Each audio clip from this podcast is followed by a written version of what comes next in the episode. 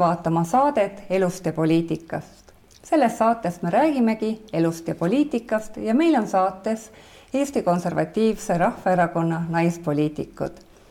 Tartu linnavolikogu liige Merle Kivest, tere, tere., Merle.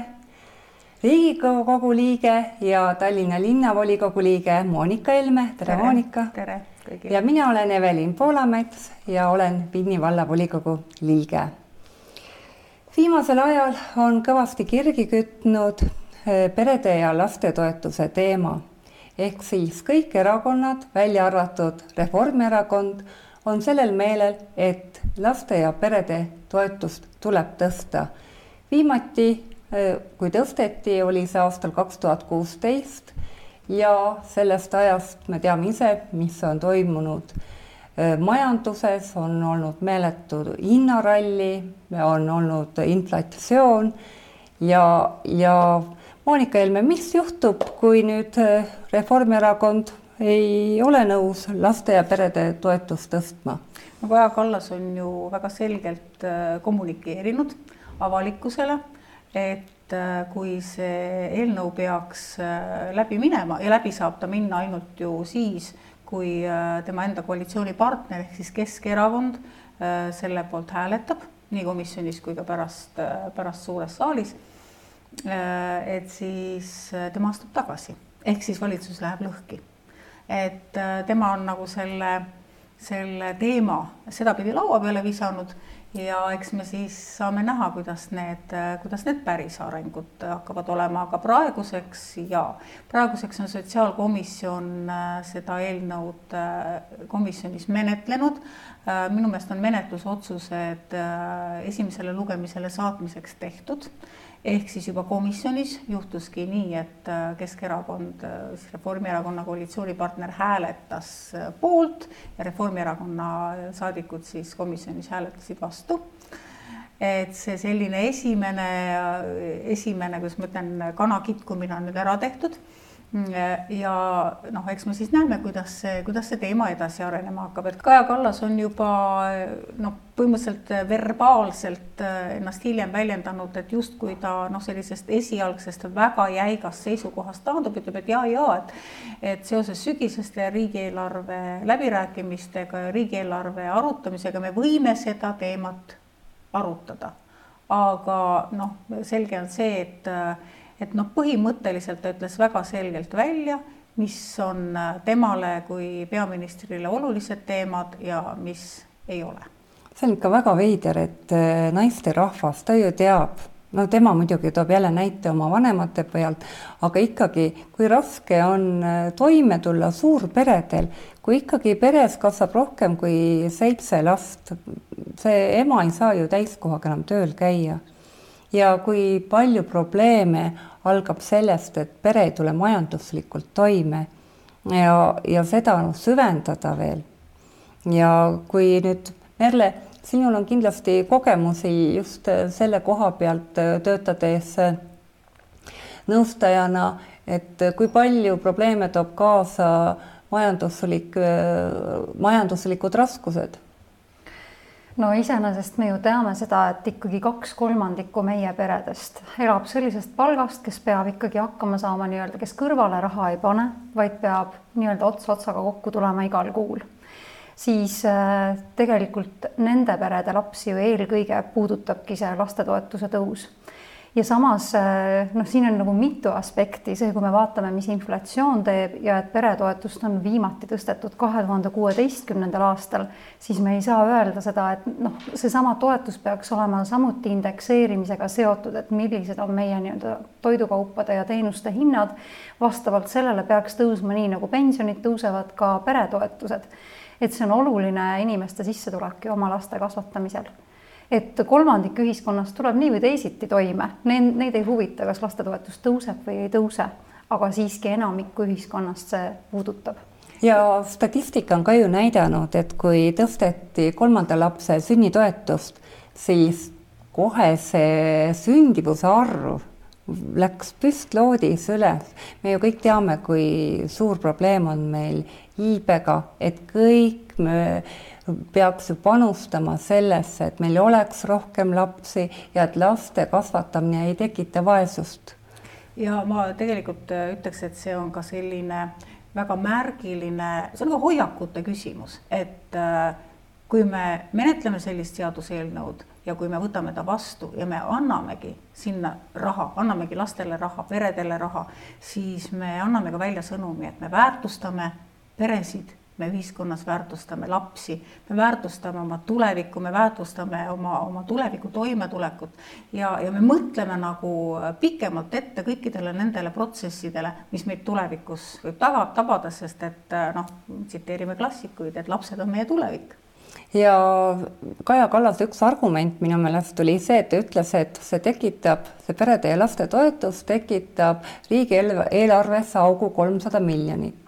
Ja samas, kui mõelda, et ja küsis selle peale, et noh, et kust see raha tuleb, aga kui mõelda, et Eesti Energia puhaskasum oli samas suure, suurusjärgus, siis tegelikult seesama raha tulebki nende perede taskust. Ma tahtsin just, ma tahtsin just öelda, et,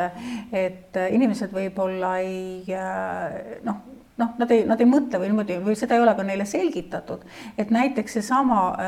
noh, miks meil on elektrienergia kallis, on ju sellepärast, et meil on CO2 kvoot, mis moodustab, aktsiisid on ka, aga CO2 kvoot, mis moodustab selle elektrienergia hinnast väga suure protsendi, tegelikult see on elanikkonnale kehtestatud varjatud maks, mida me maksame kõik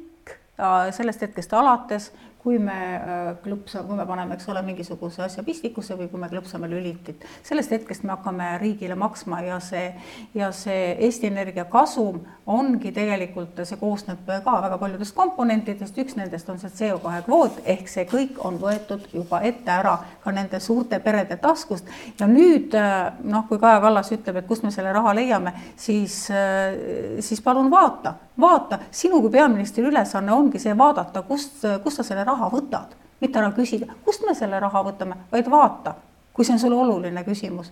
kust ma selle raha võtan, see on sinu ülesanne. Et see peaminister peab ju käituma nagu perepea, et hetkel jääbki selline tunne, et kui laps küsib hommikul toiduraha, siis perepea ütleb, et no vaata ise, kust sa saad selle, et mine või kerjama või mm. et mind ei huvita, et kuidas mm. te toime tulete ja teine asi on veel, teine asi on veel see, et noh, mida me nagu, ma saan aru, et, et me oleme väike riik ja meil noh, ongi noh, ütleme, need ressursid ongi piiratud, igasugused ressursid on piiratud. aga, aga kui me räägime siin noh, teeme selle võrdluse, eks ole, perepea või, või, või pereema, eks ju, et siis Kaja Kallas on põhimõtteliselt, me vaatame praegu selle, selles kontekstis kuhu, et meil tehti ju lisaeelarve praegu kaheksasada miljonit et äh, kuhu me selle äh, ja, see on põhimõtteliselt see on laenuraha, see on see raha, mis ei ole see, mille kohta Kaja Kallas ütleb, me saame kulutada ainult nii palju, kui me, kui meil on, kui me nagu kokku korjame maksudena. see raha suures osas äh, on võetud laenuna ehk ongi võetud nende samade laste ja perede laste tuleviku arvelt, sest meie lapsed noh, nii palju, kui meil neid on ja kui me ei soodusta seda, et neid oleks võimalikult palju, needsamad vähesed lapsed peavad hakkama seda siis tulevikus, tulevikus kinni maksma. aga see raha on võetud laenuna selleks, et praegu ära kaota kõiki neid kulutusi, mis on tulnud siis seoses Ukraina sõjapõgenikega. ja, ja noh, suur osa sellest läheb, läheb ka sinna ja piltlikult öeldes see on nagu sama, et kui oma laps tuleb ema käest küsima, et ema, et noh, nagu sa ütlesid, et anna mulle päevaks söögiraha, siis ema ütleb, et ei, et mul ei ole sulle raha anda, vaata ise, kust sa saad, külmkapp on tühi, noh, ma ei tea, mine kaeva põllult mingid juurikad üles, keeda ära,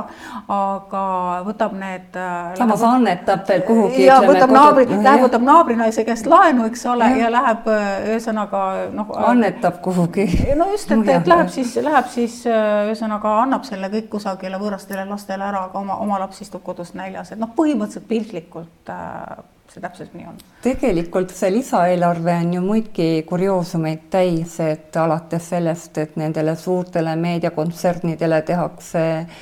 käibemaksualandusi. suur kingitus. jah, mis jälle viib riigieelarvest mitu miljonit välja. kokku kuus miljonit, neli, kaks, kaks miljonit ühel aastal, neli, neli, neli miljonit siis teisel aastal, jah ja ma veel selle peretoetuse kohta tahtsin öelda, et meil on ju probleem endiselt see ka, et need esimesed ja teised lapsed jäävad ju ka ikkagi sündimata. see ei ole praegu nii-öelda suurte perede teema, et me nüüd nii-öelda kolmelapselistele anname raha juurde. et äh, see on tänamatult väike olnud, see esimese ja teise lapse peretoetus siiamaani, sest tegelikult äh, naised oma elus teevad ju ikkagi otsuseid, kas nad saavad lapse äh, selles olukorras, kui turvaline on nende äraelamine ja toimetulek ja paraku see sündivus on nii väike, mis vihjabki sellele, et meie turvatunne saada last ei ole selline, et me neid julgeksime saada. et seega need lapsed, kes on juba sündinud, et ähm, me ikkagi esimestele ja teistele lastele peaksime ka tähelepanu pöörama et äh, lihtsalt selline repliik. ma, ma lisaksin siia veel vahele, et just eile me arutasime äh, Ähm, Kaja Kallas oli, oli, oli meile siis vastanud ühele, ühele arupärimisele, ta seal vastas, oligi demograafia ja, ja ühesõnaga selle rahvastiku, rahvastiku teemal me tegime siis talle arupärimise. ja, ja siis ta korduvalt seal rõhutas, lapsed sünnivad armastusest, lapsed sünnivad armastusest. jah, aga ma tea, ma arvan, et, et me kõik ja noh, iga inimene on kogenud elus ka seda, et kui puudus tuleb majja siis äh, armastust hoida on väga raske. Äh, Kaja Kallas, ma kujutan ette, noh, tal on vist, Kaja Kallasel ongi keeruline äh, antud olukorda või, või meie demograafilist olukorda hinnata on tal raske, kuna ta isegi ei tea, kui suur protsent Eestis elavatest inimestest on eestlased, eestlased kui räägi meile see naljakas lugu, mis seal või kuidas ta vastas? ja see ei ole, see ei ole isegi mitte keelevääratus, et ta ütles seda, ta ütles seda mitu korda, kaks korda vähemalt. noh, me kõigepealt küsisime tema käest, et noh, põhimõtteliselt ma alustasin, läksin üldse sinna oma küsimusega, alustasin seda, et meil on põhiseaduse järgi ikkagi rahvusriik ja ja, ja noh, et, et kuidas me, mis riiki me siin ehitame, et noh, teie oma jutu järgi, et teie ehitate sellist kodanikupõhist riiki, aga noh, seda ei ole meie põhiseadusesse kirjutatud kohe mitte, et selleks me peame põhiseaduse ümber kirjutama, kui me tahame kodanikupõhist riiki. siis tema, tema nagu äh, täiesti teadlikult äh, vassis ja segi mõisted siis eesti keelt emakeelena rääkivad inimesed ja lihtsalt eesti keelt rääkivad inimesed inimesed. et, et kes siis, et noh, keda me siis nagu eestlaseks peame ja, ja siis ja pärast ja et siis me küsisimegi tema käest, et vist Jaak Valge küsis, kes meil on tegelikult valdab väga hea, hästi seda statisti, statistika teemat ja tema juba teab, tema teab seda vastust mm -hmm. ja teab ka neid viimaseid arvandmeid, mis on äh, siis tegelikult eestlaste protsent praegu rahvastikust pärast seda suurt sõjapõgenike sisserännet slaavi riikidest, slaavi keelt kõnelevast riigist, on siis väiksem kui siis, kui lõppes Nõukogude okupatsioon. ehk siis arvudes kuuskümmend kaheksa koma kaheksa protsenti on praegust eestlasi Eestimaal. ja need, kes kel... ja just, et need, need, kes nagu määratlevad, keda Rahvus. nagu päriselt ka rahvusena äh, saab lugeda, et nad on eestlased. ja Kaja Kallas äh, kaks korda ütles, et äh, eestlasi meie rahvaarvust on kaheksakümmend viis protsenti. noh, mina ütleksin selle peale, et kui see nii vaid oleks. kui see nii vaid oleks. et noh, täiesti uskumatu olukord. keelt emakeelena kodus kõnelevaid inimesi. on kaheksakümmend viis protsenti. on kuuskümmend kaheksa koma kaheksa. just, just aga, aga no ma ütlen, tal on need mõisted segamini, aga meie küsisime statistikat nii nagu statistika seda mõistab, nii nagu, nii nagu statistikas on kirjas, seal ongi kirjas eestlaste protsent kuuskümmend kaheksa koma, mis sa ütlesid? kaheksa. kuuskümmend kaheksa koma kaheksa ja noh, Kaja Kallas ütles kaheksakümmend viis nojah, sealt tal tulebki tunne, et eestlasi on liiga palju, et me ei pea peresid toetama, me ei pea lapsi toetama ja ja selline suhtumine tegelikult on väga kahetsusväärne. aga jah, varsti on kevad käes ja on tulemas eksamite ajad, mis kõik eh, laste ja noorte vaimset tervist mõjutavad koos nende eelnimetatud majanduslike raskustega, et meil on järjekordselt üks ees, esikoht, mida me ei tahaks omada, on laste enesetapud. et suitsiidi ja arvude poolest me oleme jälle Euroopas esikohal ja see näitab, et meie laste ja noorte vaimne tervis on väga kehv. ja mida siis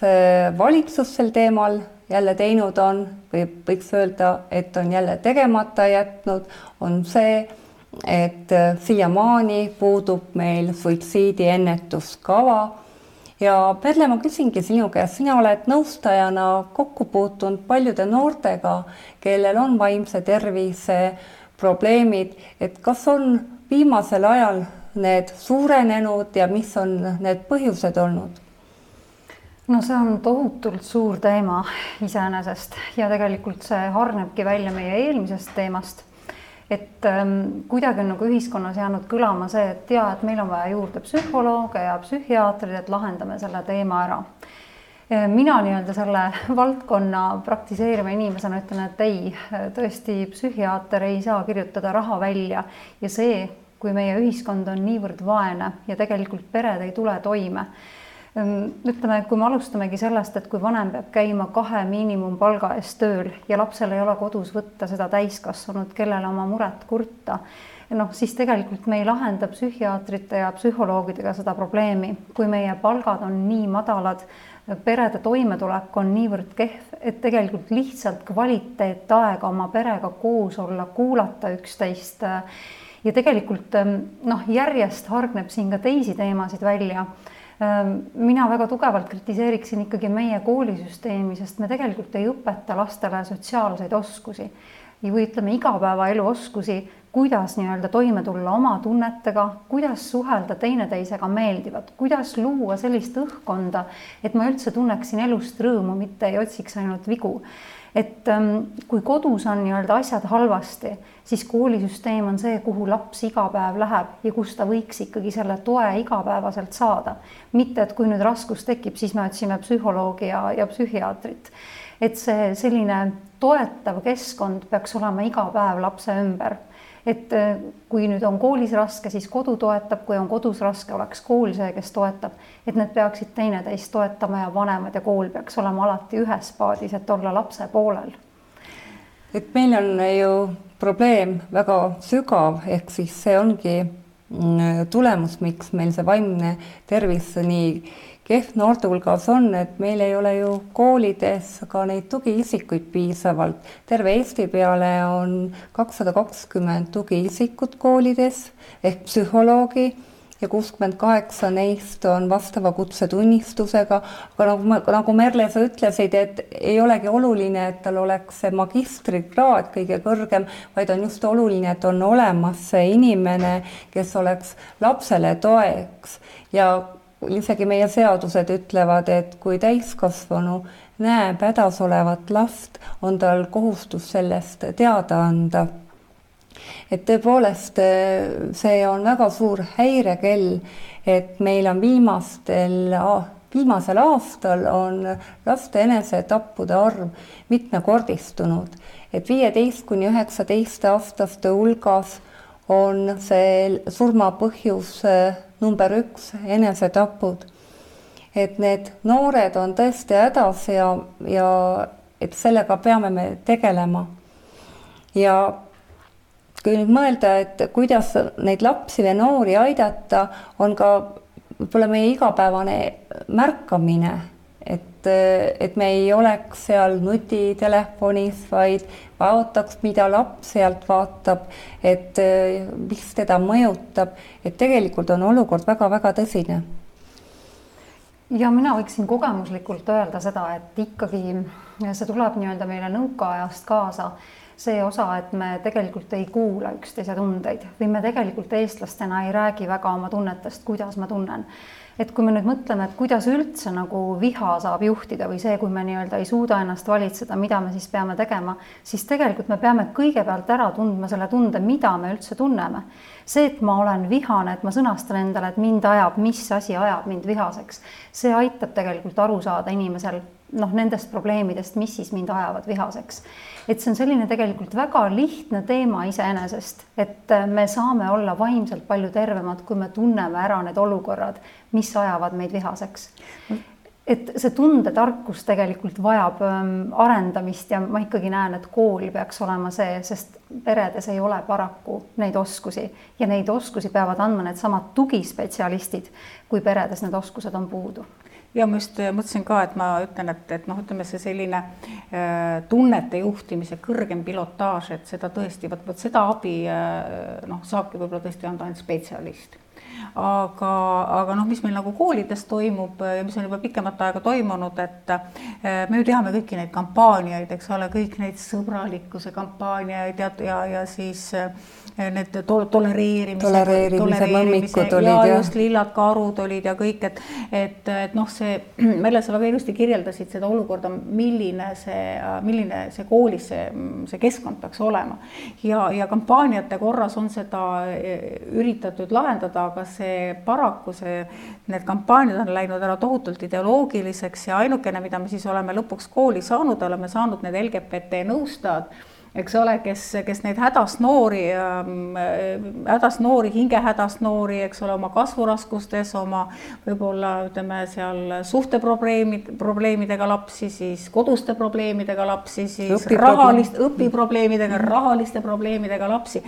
kes lihtsalt ja, ja vot nemad on siis seal ühel hetkel olemas ja hakkavad siis noorele rääkima, eks ole, et äh, noh, et ja et me, me, me saame sind aidata, et aga enne sa pead ennast ära määratlema, kas sa oled poiss või tüdruk või äkki sul on nagu sellega mingid probleemid, et et see, et noh, no ja, ja, ja nagu sa ütled, see, see mm, enesetappude arv, see, mis on praegu läinud täiesti katastroofiliseks suureks äh, noorte hulgas ähm,. noh, see, see ju tegelikult on selge märk sellest, et, et noh, need kõik need meetodid meetodid, mida siis ütleme, sellised ideoloogid on välja mhm. pakkunud mm, -hmm. sallivusideoloogid, need ju ei tööta. et, ähm, et noh, mida noh, mida, mida mu enda kogemus tegelikult ütlebki seda, et et, et lapsed vajavad kõige rohkem seda, et neil oleks kodus tugi, et, et neid nagu päriselt tegelikult nad ei vaja väga palju, see, see on, see on näiteks kasvõi selline väike asi, et kui laps tuleb ja räägib sulle midagi, et siis sa ei ütle talle, et jah mm, -hmm, ja siis ei lähe mingite oma, oma asjadega edasi, ta saab sellest nii hästi aru. või see, eks ole, et noh, et, et sa istu, oled kuskil, ise oled mingis nutitelefonis, laps räägib sulle mingist oma asjast, ütled mm -hmm, mm -hmm, ja jah. Ja, ja püüad mõned sõnad kinni ja noh, isegi vastad võib-olla talle, aga laps saab ju aru, et sa ei ole temaga kontaktis, sa ei ole, sa ei tunne tegelikult ju huvi ja, ja, ja, ja minu kogemus ütleb, et ainult korraks paned ära selle telefoni, pöördud selle lapse poole, kuulata ära. Ja, ja sellest on noh, teinekord no, no tohutult on abi, eks ole, ta juba, siis lapsed on ju, nad on, nad on sisemiselt tegelikult palju tugevamad, kui me arvame, aga lihtsalt me peame neile andma selle tugevusmomendi kätte, kus nad saavad ise, ise edasi minna. et mina noh, jällegi ma väidan, et, et väga paljud probleemid, mis, mis noortel praegu on, tulebki sellest, et nad on, nad on lihtsalt ärevad. Nad on ärevad, et seal ei olegi väga palju, noh, seal need, need probleemid ei ole isegi nii suured, aga nad on, nad on ärevad ja, ja vaata see ärevuses äh, olemine, ükskõik mis põhjusel, eks ole, mida nad on saanud siis, et ühiskond on ärev, äh, siis ütleme praegu kõik see Mm, noh, sõjaga seonduv, eks ole, see, see too loob, eks ole, noortele selle ärevuse fooni, siis äh, noh, see, kuidas noored on äh, hulluks keeratud selle kliimapoli maailma päästmisega, mõtle, eks ole, et noh, et, et neile oled, neile, neile tõsiselt räägitakse seda, seda lolli juttu, et teate, noored, et teil ei ole enam tulevikku, et, et ma ei tea, maailm, maailm lõpeb ära ja, ja kõik hukkub ja ma ei tea, tulevad üleujutused, katastroofid, ma ei tea, te, te upute ära ja põlete ära ja noh, et ja, ja ega siis noh, ega siis meie oma elukogemusega, kes me oleme näinud-kuulnud neid jutte ju tegelikult, seda hakati rääkima kuskil kuuekümnendatel aastatel juba hakkas see selline mingi hüsteeria pihta, eks ja kogu aeg me oleme kuulnud, noh, läheb kümme aastat mööda, jälle kuuleme, kuidas viie aasta pärast on kõik, siis saabub, siis tuleb see tärmin, eks ole, me elame kõik jälle ilusti samamoodi edasi, midagi hullu pole juhtunud. meie oleme selle äh, kogemuse saanud, aga noortel seda ei ole, nad vaeseks võtavadki seda tõe pähe ja, ja see tekitab äh, paanikat, ärevust. Ja mina arvan, et päris, päris paljud noored on on mm, äh, ongi noh, üks väga-väga tugev komponent on see kliimaärevus, mispärast äh, noh, kõik see ongi läinud sellele, et noh, noor lihtsalt otsustab, et ta ei taha enam elada. Muide, väga õige,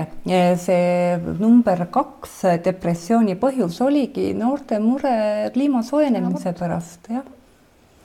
Noh, samas ikkagi äh, ka meie nii-öelda lapsevanemad ei ole ette valmistatud siiski selleks, et kuidas olla lapsevanem